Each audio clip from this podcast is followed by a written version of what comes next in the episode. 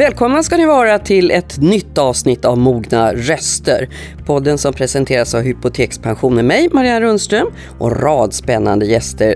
Välkomna till en ny säsong i podden som siktar in sig lite extra på alla 60-plussare som ofta befinner sig i ett skede i livet där mycket förändras. Vilka möjligheter väntar när en del dörrar stängs och nya öppnas? Hos oss träffar ni många som kan fungera både som vägvisare och inspiration.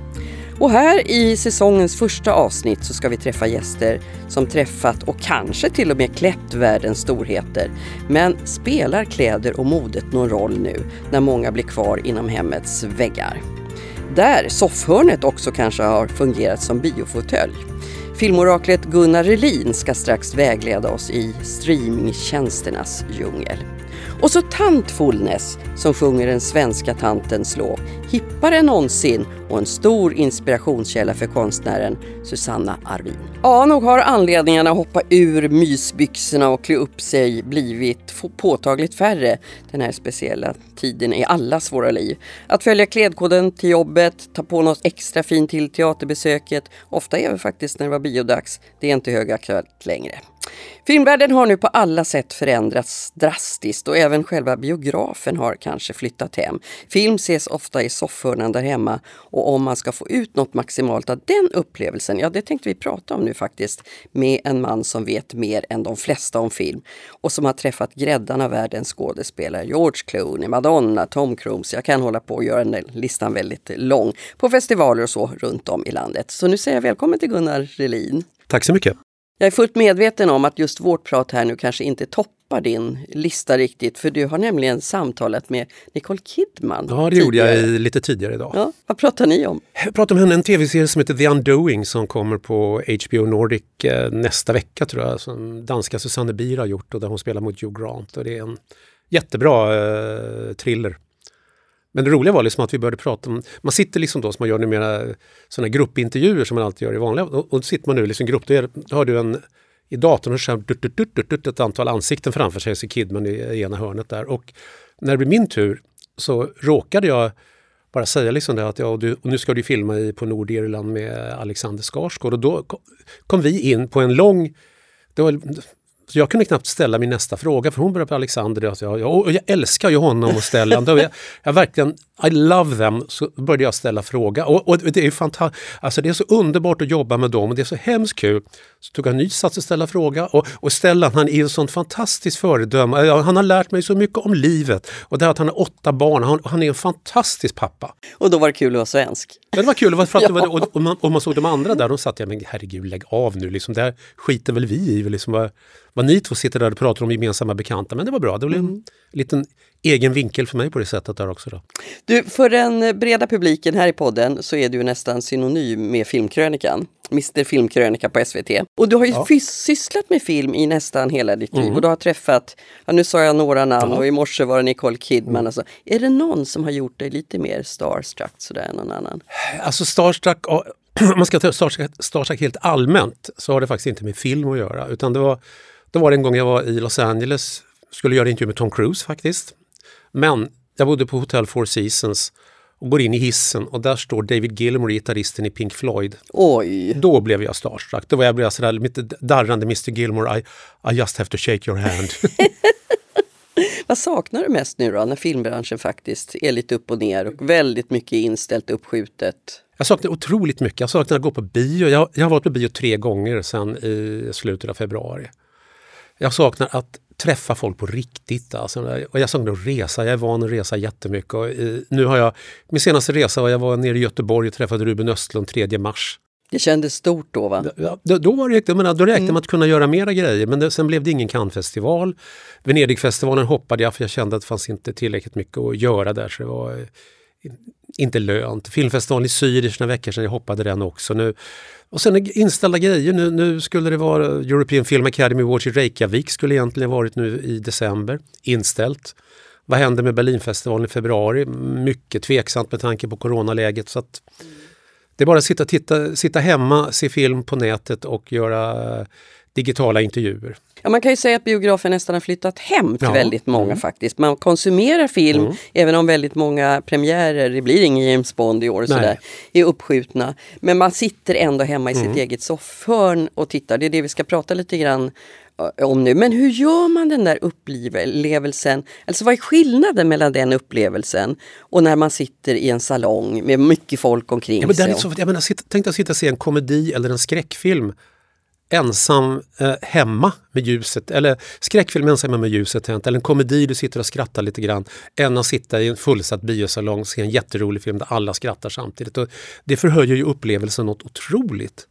Och, och, och samma med skräckfilmen, det, all, om det är en riktigt bra skräckfilm, alla skriker samtidigt, än du sitter hemma och hoppar till lite grann. Liksom, då, det är, visst, då, jag menar, det, det, det där totala, jag menar, jämför även om du har storbilds-tv, tänk dig att gå på IMAX och se en film, det, du är omgiven av ljud och bild och där det är det, det går inte att slå den upplevelsen. Jag talade just häromdagen med, med på tal om TV, det kommer en tv-serie som heter Top Dog på, på TV4 så, som är jättebra. Och de var nu och tävlade på TV-festivalen i Cannes med den. Och där fick de visa sin serie, två avsnitt, på Lumière som är den stora biografen i Cannes. Och, sa, och det, jag tycker det är världens bästa biograf. Och de sa det var en fantastisk upplevelse att få se sin tv-serie i världens bästa biograf. Det går inte att slå den upplevelsen säger du, men vi har ju tycker jag under, under det senaste halvåret blivit väldigt bra på att anpassa oss Ja. till nya förhållanden och så. Så kan man på något sätt ändå komma i närheten. Man kan ju försöka men eh, stänga av allt det som, inte, som stör. För att grejen också där, är du på bio du ser filmen. Sitter du hemma, telefonen ringer, ja, ja, okej jag trycker på paus. Så går jag iväg och jag jag kanske lite kaffe, jag går paus. Går och Kolla kokar- lite mejl under Ja, tiden. ja precis, det och- där, precis. Jag menar, om du kan få det där, verkligen bara stoppa och... Jag menar, ska du se en skräckfilm hemma så släck, sitt ensam, stäng av telefonen. Streaming är väl kanske ordet för det här halvåret. Definitivt. Men hur ska man liksom navigera i denna djungel? SVT Play, HBO, Mm. hur, hur många som helst. Men om du för ett ögonblick bara kliver tillbaks i den här filmkrönikerollen då och så ger du oss liksom topp tre, topp fem eller någonting när man nu ska streama istället. Du menar som går just nu? Mm. Då ska jag säga det bästa jag sett i år, det är på HBO Nordic så ligger en serie som heter Patria som är en spansk serie i åtta delar som handlar, bygger på en bestseller om hur två familjer som är goda vänner slits isär under ETA-perioden då när en Sonen i en familj blir ETA-aktivist, pappan i den andra familjen blir beskylld för att, vara, eh, för att motarbeta ETA och, och vad det här leder. Det är en otroligt bra dramatisk serie. Sen kan jag säga att det gick, gick, på Netflix ligger en drama, ja, inte skräck, dramatriller egentligen som heter The Devil All The Time. Med eh, Bill Skarsgård bland annat och en väldigt bra rollista i övrigt. Och den är bra men om, om det finns så uttryck Gothic Noir med eh, utspelas i USA ute på landet så lite eh, för, bland fattiga människor på 50-talet och eh, bra, ganska otäck film. Eh, film. Och det är en film, det är ingen serie. Alltså då. Och sen det här som vi började med också, som också kommer på HBO Nordic nu, som heter The Undoing, som Susanne Bier har gjort. Och där har de varit så hemska så de har gett oss de, det är sex delar, vi har fått de fem första för recension och inför intervjuer och sådär. De vägrar skicka ut det sjätte för de är rädda att det ska bli spoila någonting och det hör det till att avsnitt fem slutar alltså med en cliffhanger som du sitter bara och skriker “Jag vill se resten!” Och jag får vänta till december nu att se det. Ja, och alla vi andra också. Ja. Du fick ingen sär... Jag, inte får, jag försökt. Jag, till, jag, till, jag pratade med Susanne Bier som regisserat den veckan, förs- men hon sa vi kan inte, tyvärr. När man tittar nu på filmutbudet så är det ju väldigt mycket som är liksom inställt eller senare Mm. lagt och sådär, kommer så småningom. Men då har ju också filmbolagen varit rätt duktiga på att plocka fram gamla godbitar. Ja, det har de gjort. Gamla filmer som Ja. kanske många appellerar till den publik som lyssnar på mogna röster. Ja, absolut. Har, har du några bra tips om vad man ska leta efter där? Sånt där, den här pärlan håller än. Ja, men det finns mycket. Jag vet till exempel Bion Capital i Stockholm som kör, de har ju såna klassikeraftnar och sånt där. Och där man tar, kör gamla Kubrick-filmer och sånt där. Det är lite film noir. Det finns väl, alltså jag har inte hållit så mycket koll på det där, alltså, men det finns, det finns ju mycket att se där. Även i streamad form. Ja, och jag ska ett en grej som jag har upptäckt som jag inte visste om tidigare, det jag upptäckt det senaste året, är att Youtube, om man går in på Youtube och letar, där finns en otrolig massa gamla svartvita, klass, svartvita klassiker från 30-40-tal som folk inte har rättigheterna till längre. Och då ligger de där. Och det finns en mängd gamla film noir till exempel som jag älskar. Liksom då. Kunna se, de finns där. Att se helt gratis. Och ibland är det fruktansvärda kopior som man bara undviker. Ibland är det knivskarpa. Och det, Roligt. Det är verkligen prova på, för man tror Youtube annars är bara rockvideos, men det är det inte utan det finns en mängd filmer att se där. Vi ska strax prata om den svenska tanten. Mm. Eh, äldre skådespelare, åldras de på ett annat sätt idag än de gjorde i de här filmerna som du pratar om som ligger svartvita på, på Youtube till exempel nu? Ja, vad, vad är äldre för någonting? Liksom? Det är det som är frågan. De, on, on, ja, men se någon som Streep till exempel, hon är väl vad är hon? Hon fyller väl 70-71 år någonting sånt där. Men jag, jag, har inte en tanke på att hon åldras överhuvudtaget. Jag menar, Kidman, hon är 50, 51, 52 någonting sånt där. Jag, jag vet inte, det kändes det är tidlösa. Tusen tack för att du kom till oss. Jag Tror du vi vänjer oss vid det här med att det är hemma vi ska titta ja. på bio? Ja, vi gör väl det ett tag men det, vi kan vänja oss vid att gå på bio igen sen när det här är över någon gång. Det får vi hoppas. Ja. Hoppas vi ses där. Ja, absolut. Ja. Tack ska du ha. Tack ska du ha. Tack. Ja, i lite äldre filmer där ryms det inte så få tanter. Och nu ska vi ägna oss åt en ikon. Hon som står för tryggheten, som vet vad hon vill, kanske lite bestämd och hon är väldigt vanlig. Och pass upp, hon kan använda handväskan som vapen. Susanna Arvins skulptur där den svenska tanten iklädd kappa, basker, svingar sin väska väckte enorma reaktioner när den kom. Svallvågorna nådde ända till Washington Post hon gick nämligen på tvärs med precis allt som tanten står för. Hon som egentligen ska träda tillbaks och tystna med åren. Det här är några år sedan nu, men nu har tanten sannolikt förändrats. Vem är hon 2020? Det ska vi bland annat prata om nu med Susanna Arvin. Varmt välkommen! Tack så mycket, kul och, att vara här. Och allra först hörru, så, så måste jag gratulera dig. Nu måste jag läsa inom till här för du har fått precis faktiskt, så har din skulptur, just den svenska tanten, klubbats till offentlig skulptur. Det är fina saker det. Yes, jag är så glad. Ja, det kanske är en upprättelse mm. för tanten också. Absolut, mm. och för de äldre kvinnorna. Mm. Det är det det handlar om. Mm. Ja, hur vi nu ska definiera dem. Ja, alltså, precis. 60 plus är du själv. Mm. Är, är, du en tant. Man kan inte tro det när man ser det. Du sitter i en jätteflådig gul sjal, en väska som det gnistrar om. Och, ursnygg är du! Ja men det är det nya vet du, tantfulness. Och det har med de inre värdena, det har ingenting med de yttre attributen att göra. Hela mitt tantprojekt bygger på de inre värdena. Det är bara det att tanten har sett ut på ett speciellt sätt. Och du vet ju själv, tanten har ju förändrats idag. Och den reaktionen får jag. Jag ser inte ut som en vanlig tant, säger alla till mig. Nej men det handlar om de inre värdena. Det är bara en symbol, den svenska tanten, som jag har gjort. kan man säga. Ja, vad nu en vanlig tant är. Tittar ja, vi här precis. på bordet så står det flera stycken skulpturer. En som verkligen är sådär, hon ser ut ungefär som alltså min mormor gjorde. Mm. Hon har en kappa som går ordentligt ner över knäna. Hon har knytskor, hon har basker och hon har handväskan sådär. Jag vet inte vad det här greppet heter. Men ja, man under armen. Under liksom. armen ja, på något ja, sätt. Precis alltså. så, precis så. och sen är det tanten som svingar sin väska. Den ska vi prata om sen som faktiskt använder den på riktigt som ett vapen. Men alltså, du har ju nästan patent på den svenska tanten får man väl säga. Men hur fick du syn på henne? Ja, det var så här att eh, det skulle göras första försöket med installationskonst i Stockholms innerstadskyrka 1995. Och då fick jag en idé om att jag skulle göra en svensk ikon. Och eh, då blev det den här installationen med en stor jättebild på Kerstin Karlsson från Tallås, en riktig svensk tant alltså, i kyrkorummet, i Maria Magdalena där. Och eh, det var väl så det började egentligen. Jag tänkte att jag skulle göra, visa på någonting som är totalt bortglömt, som är så vanligt så att det blir ovanligt. Och det är så jag upplever tanten och tanterna. Den sorten som min mormor var. Min morfar hade nio systrar. De var helt osynliga men väldigt kraftfulla i bakgrunden. Och det var för mig var det hela min trygghet som barn. Det var just den här otroliga civilkuraget, fötterna på jorden, fanns där när föräldrarna gjorde... Min mamma var i kvinnorörelsen, du vet, ute och flackade i världen och hade inte tid egentligen med mig så speciellt mycket. Och det var min mormor där, hon stod för något, ett grundfundament, ett mod som var helt fantastiskt. Mm. Och de värdena tycker jag man behöver tillbaka igen. Och stod för det där modet, men de hördes ju nästan inte alls. Nej, faktiskt, precis. Alltså. Men sen körde du igång det här projektet Tantfulness. Ja det är ett underbart begrepp faktiskt. Och den utställningen har ju sen rullat på genom hela Sverige och de här skulpturerna som står framför oss här nu, framförallt med tanten med väskan som hon svingar, Mm. de finns ju faktiskt i väldigt många svenska hem idag. Ja. Ska snart finnas i riksdagshuset Ja, det hoppas också. vi på. Ja. Men har hennes roll som samhällsbärare egentligen förändrats då? Ja, det, alltså jag skulle vilja säga att um, formen har förändrats eftersom kvinnorörelsen kom och kvinnorna från hemmet ut i arbetslivet på ett helt annat sätt. Du vet, det har hänt otroligt mycket sedan 60-talet. Jag minns när jag var barn, då var ju de flesta kvinnor hemmafruar på våran gata.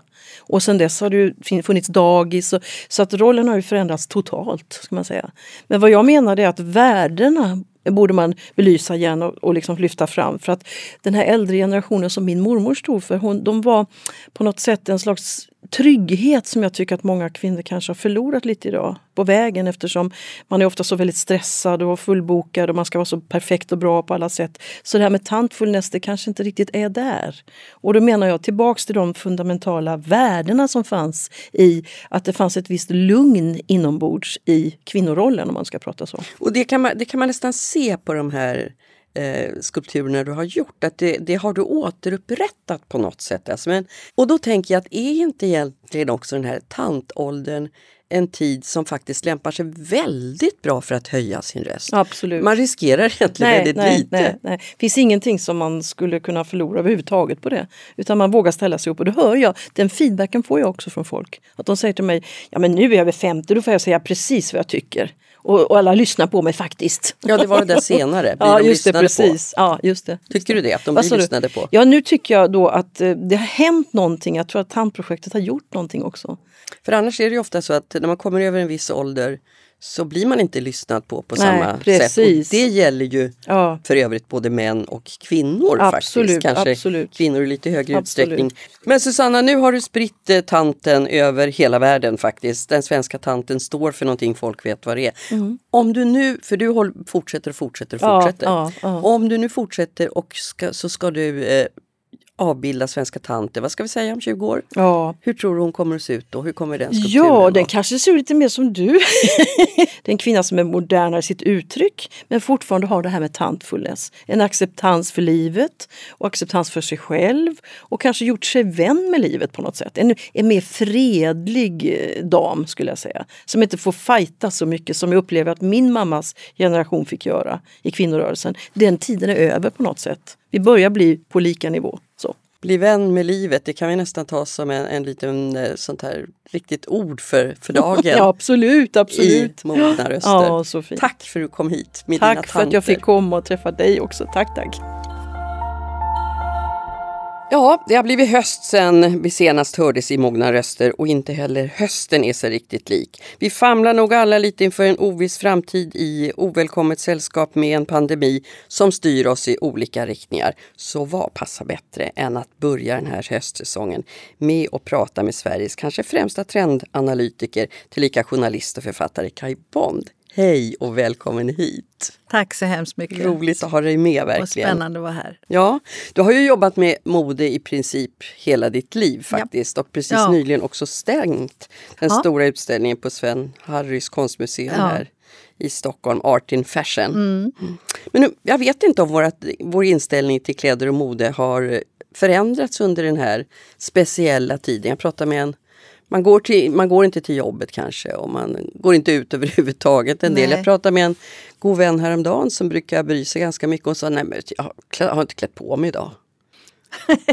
Okej. Nej. vad, vad tror du att det här får för effekter? Konsekvenser, ja, ja, vad det får för, är klart att man, eh, reflektionen behöver vi ju.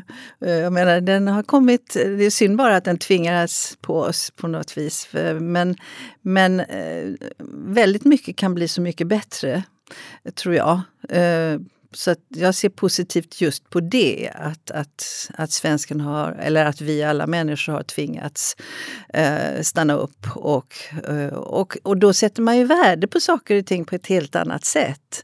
Eh, vilket är spännande. Och ur det kan det komma många bra saker. Vad, vad tänker du på för bra saker? Nej, jag tänker om, I är- min värld exempelvis så tänker jag ju på eh, just det här med, vi behöver ju inte storshoppa. Vi behöver inte konsumtion på det sättet som vi har gjort. Och det, I och för sig har jag tjatat om det i massor med år.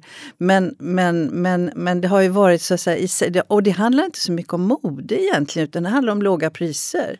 Men den här storshoppingen du talar om nu, ja. den utgångspunkten för den är ju egentligen lite slit och släng och handla billigt ja. framför allt. Ja, vad, vad, är det i, i följderna av pandemin tror du som kan förändra det beteendet?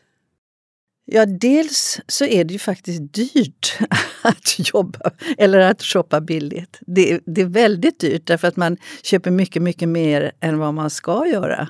Så om man använder de pengarna till, till eh, eller skulle liksom samla på det som man handlar eh, för och så ser man att man skulle ha råd att betala för någonting som man annars tycker är så att säga dyrt inom citationstecken. Eh, så att det tror jag, det är väl den, alltså det för med sig just det, att man stannar upp och att man tänker efter vad man behöver. Mm. Men då kan man inte byta till just det här årets höstmode och sen slänga det och ta nästa nej, års höstmode nej, när det men det gör man väl inte heller då. Nej. Utan det, då ska det ju vara bra. Och det är också just det här med e-handel som dyker upp som är ju kanske en ersättning egentligen många gånger för, för det här masskonsumtion. Eh, för de, man försöker, samma företag försöker liksom sälja ut sina varor på, på e-handel. Vi har ju tvingats att konfronteras ja. med väldigt svåra frågor faktiskt under den här perioden. Det handlar om vem som ska väljas, gamla mot unga. Många sådana där verkligen djuplodande mm, frågor. Mm. Kommer det, tror du, att, att hänga kvar, påverka oss på djupet? Även ja. när det gäller hur vi konsumerar, vad vi sätter på oss, hur det ser ut där hemma? Jag tror faktiskt det. Jag tror det. Och jag tror också att eh, eh min generation kan tillföra mycket där plötsligt. Eh, alltså, tidigare har man inte ens blivit åhörd kanske. Eh, alltså, bara för att man är över 50 eller 60 eller vad det är. Men, men eh, nu istället så, så eh, just i det här eh, i reflektionen där så stannar man ju upp Eh, man läser mycket, man, vare sig man läser liksom böcker, tidningar eller man läser på plattor eller vad man gör. Eh, och lyssnar mycket. Och då, och då kommer ju liksom den här kvaliteten per automatik egentligen. Vilket är ganska intressant. Därför att det är ju så att man vill ju inte prata om något och inte liksom eh, vara... Man kan vara tydlig. Det kunde man inte innan. Det kan man inte innan. Det kunde man inte innan. Och, och kanske skaffa det. sig en medvetenhet. För ja. Det du pratade om nyss här med det här eh, storshoppingen, ja, tror du, ja. kallade det för, man köper billigt. Oftast så är det ju inte eller nästan aldrig producerat i Sverige. Men nu har ju stängda gränser och sådana saker gjort att vi måste vända blickarna mm. hemåt. Mm. Och kanske det är lokalproducerat eller åtminstone inhemskt producerat. Ja, ja. Och då kanske kan det följa en medvetenhet tror du? Att man lär sig mer. Vad är det egentligen som produceras i Sverige? Ska vi öppna Borås textilfabrik igen? och ja, Sådana saker. Exakt. Och det är väl det som händer. Tror jag.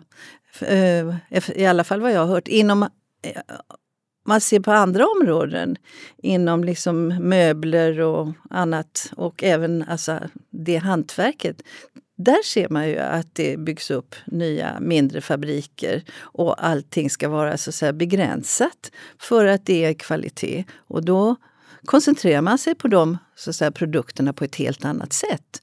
Det uppskattas. Mm. Och det där har du lagt märke till. Alltså när du, är, du är ju trendanalytiker mm. sedan många, många år. Ja. Vad är det en trendanalytiker ja. tittar på i, i samhällets strömningar för att se vart är vi på väg? Tendenser egentligen. Att vara trendanalytiker det är ju så att säga egentligen att, att se de sociokulturella äh, mönstren mm. i, i samhället och se vartåt det barkar. Och det är ju många komponenter där som ingår. Mm. Fast vartåt det barkar, ingen kunde ju förutsett. Vad sa du? Ingen kunde ju förutsett det som hände Nej. nu. Nej. Att alla de där eventuella mönstren. Nej, men katastrofer kunde man ju förutse. Jag menar, vi, hade, vi har ju klimatet och det har jag pratat om sedan 1989. Men om vi återknyter till det här med, med eh, trender och vad man kan se så tänker jag bara på, nu stängde nyss din utställning där på Sven Harrys. Mm. Det var ju långt ifrån den enda modeutställningen i Stockholm under en kort tid, Valdemarsudden, mm. Nationalmuseum. Mm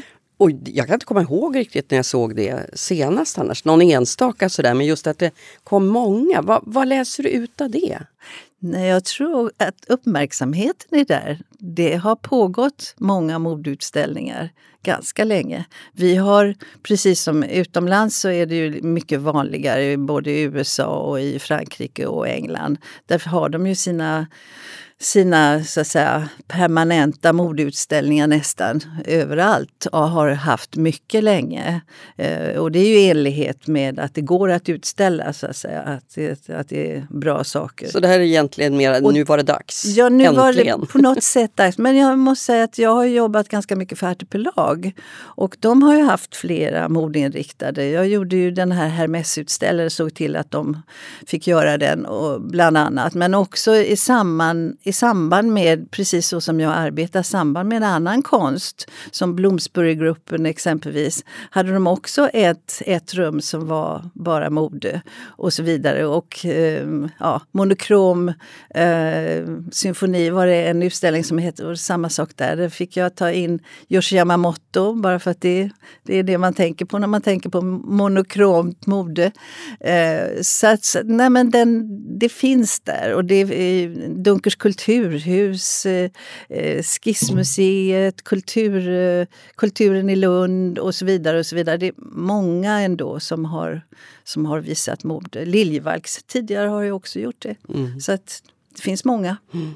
Nu kan man i och för sig förstå den här goda vännen till mig som inte ens klär på sig längre därför att hon träffar ingen, går inte ut Nej. och man ska ingenstans. Nej. Men jag tänker också att kan, kan det bli så, kan det bli tvärtom att man i en sån här konstig tid känner att marken gungar när det gäller allting, men jag kan åtminstone påverka vad jag sätter på mig, hur det ser ut hemma hos mig själv. Så att, så att det får en större betydelse av det skälet. Ja, alltså jag behöver egentligen inte gå längre än till mig själv.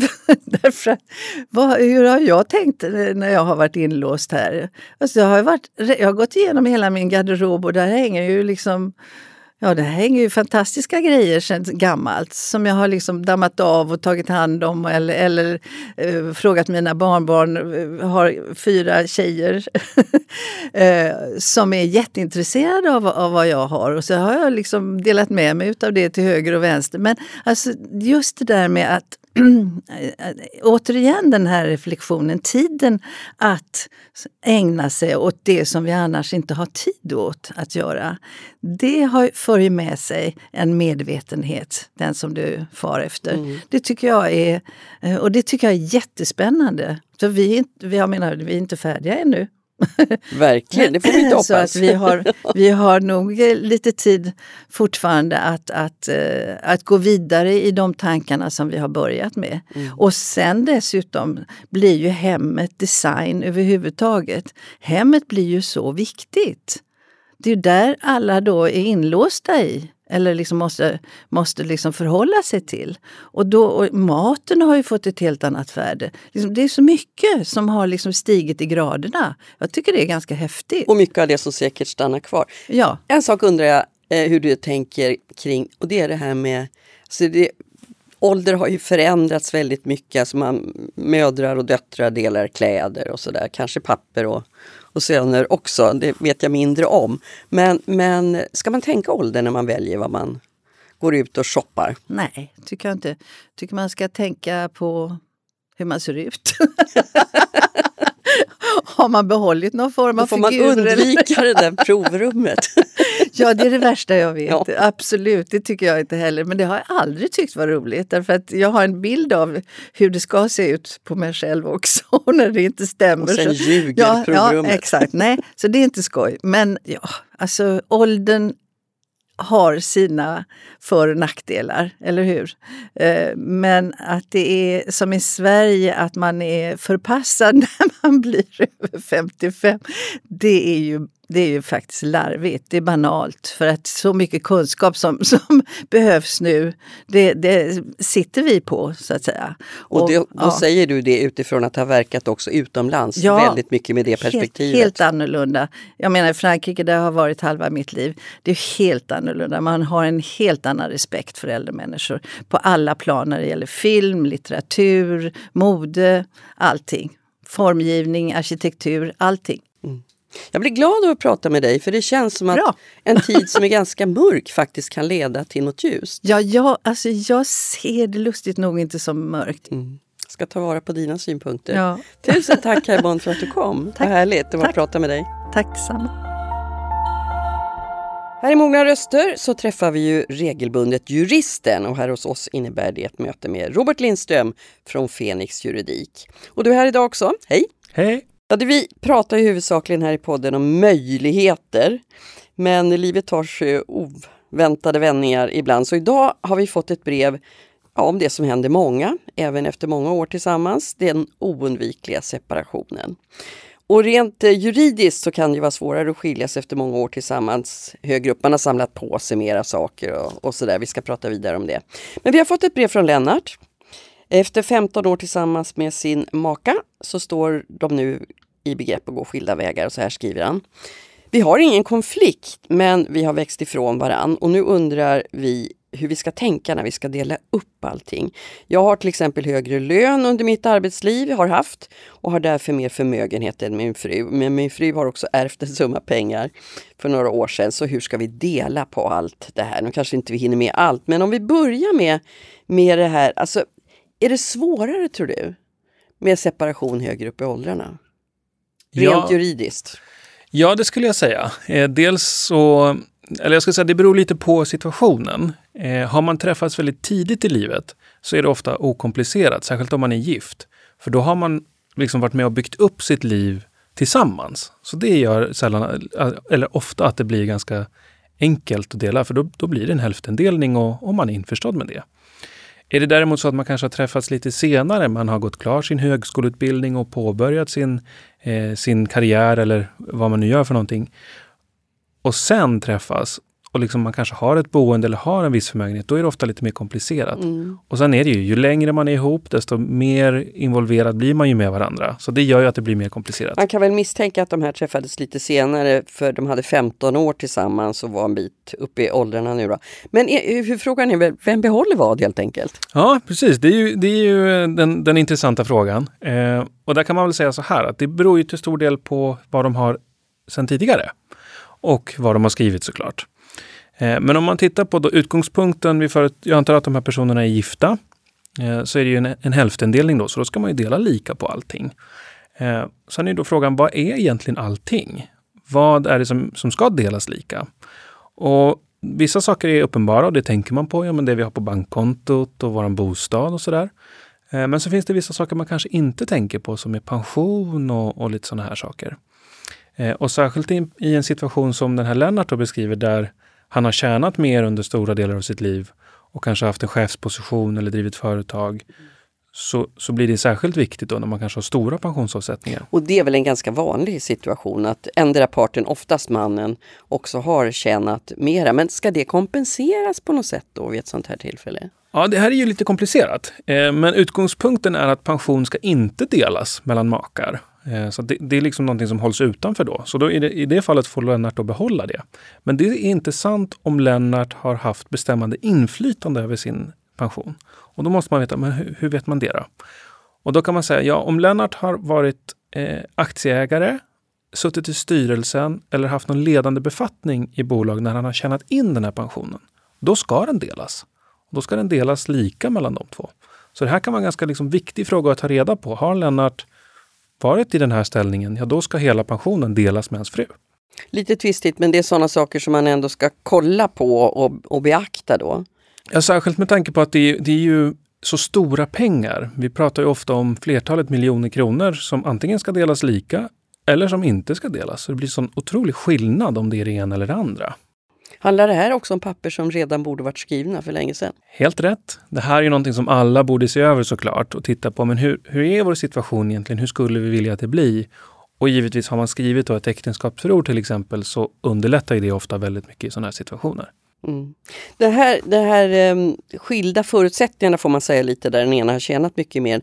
Alltså hur, hur, hur kan det bli rättvist? Eller blir det rättvist? Ja, problemen är ju ofta egentligen i, i pensionsdelen skulle jag säga. Eh, för tillgångarna som sådana, de delas ju upp. Men i situationen där, där Lennart här då har tjänat mycket mer och såklart har mycket högre pension och där hans fru då inte har tjänat så mycket, det gör ju att tiden från separationen och framåt, den kommer bli vitt skild för dem båda två. Eh, papper som behöver skrivas? Mm. Eh, jag skulle säga äktenskapsförord till att börja med. Det är liksom den stora saken att man, man bestämmer sig för ja, men vad är det som ska ske egentligen. Men kan man göra det då? När, man väl, när det ska vara slut på äktenskapet? Och man kan göra äktenskapsförord egentligen från tidpunkten när man bestämmer sig att man ska gifta sig hela vägen fram till dess att man har bestämt sig för att ja, men nu har vi skilt oss. Sen är det ju så att även om, om lagstiftningen säger att det ska ske en fördelning på ett visst sätt så är det upp till makarna att bestämma, men vi vill göra ett avsteg från det. Så om, om i vårt exempel här eh, Lennart tycker att nej, men det blir för lite till min fru, så är det ingenting som hindrar att han ger henne mer inom ramen för bodelningen. Det lät som en bra skilsmässa. Ja, visst. Och det är inte så ovanligt som man tror, ska jag säga. Nej. Vi ser det ganska ofta att man, man enas på det sättet, att man tycker att jo, men det här blir en bra lösning för alla inblandade. Men vad ska man tänka på för att det inte ska dyka upp några surdegar långt senare? Skriv avtal skulle jag säga, det är det viktigaste. Och när ni skriver avtal så ta hjälp av en jurist som åtminstone tittar på det färdiga avtalet. Så att det inte är så att när någonting händer senare i processen att man, man kan komma och dragandes med någonting, utan då, då vill man säkerställa att när vi skriver på det här, då är vi helt klara, allt är reglerat. Behöver man ha en advokat med? En advokat eller en jurist skulle jag säga. Åtminstone att man det man kan göra för, om man inte vill lägga allt för mycket pengar på jurister, det är att man kan gemensamt gå till en jurist och förklara det här är så som vi vill ha det. Och så kan juristen hjälpa till att formulera så att det inte blir några missförstånd i avtalet i vart fall. Tack ska du ha Robert. Vi får hoppas att det blir ett gott slut både för den som tar det här steget efter många år och för oss i podden faktiskt. För nu är det slut för idag. Vi hörs som vanligt med ett nytt avsnitt eh, första fredagen i månaden. Tack för att ni lyssnade idag. Marianne Rundström heter jag. Redaktör har varit Jesper Tillberg, produktionsledare Sara Pansar. Podden presenteras av Svensk Hypotekspension och produceras av High Creatives. Vi hörs!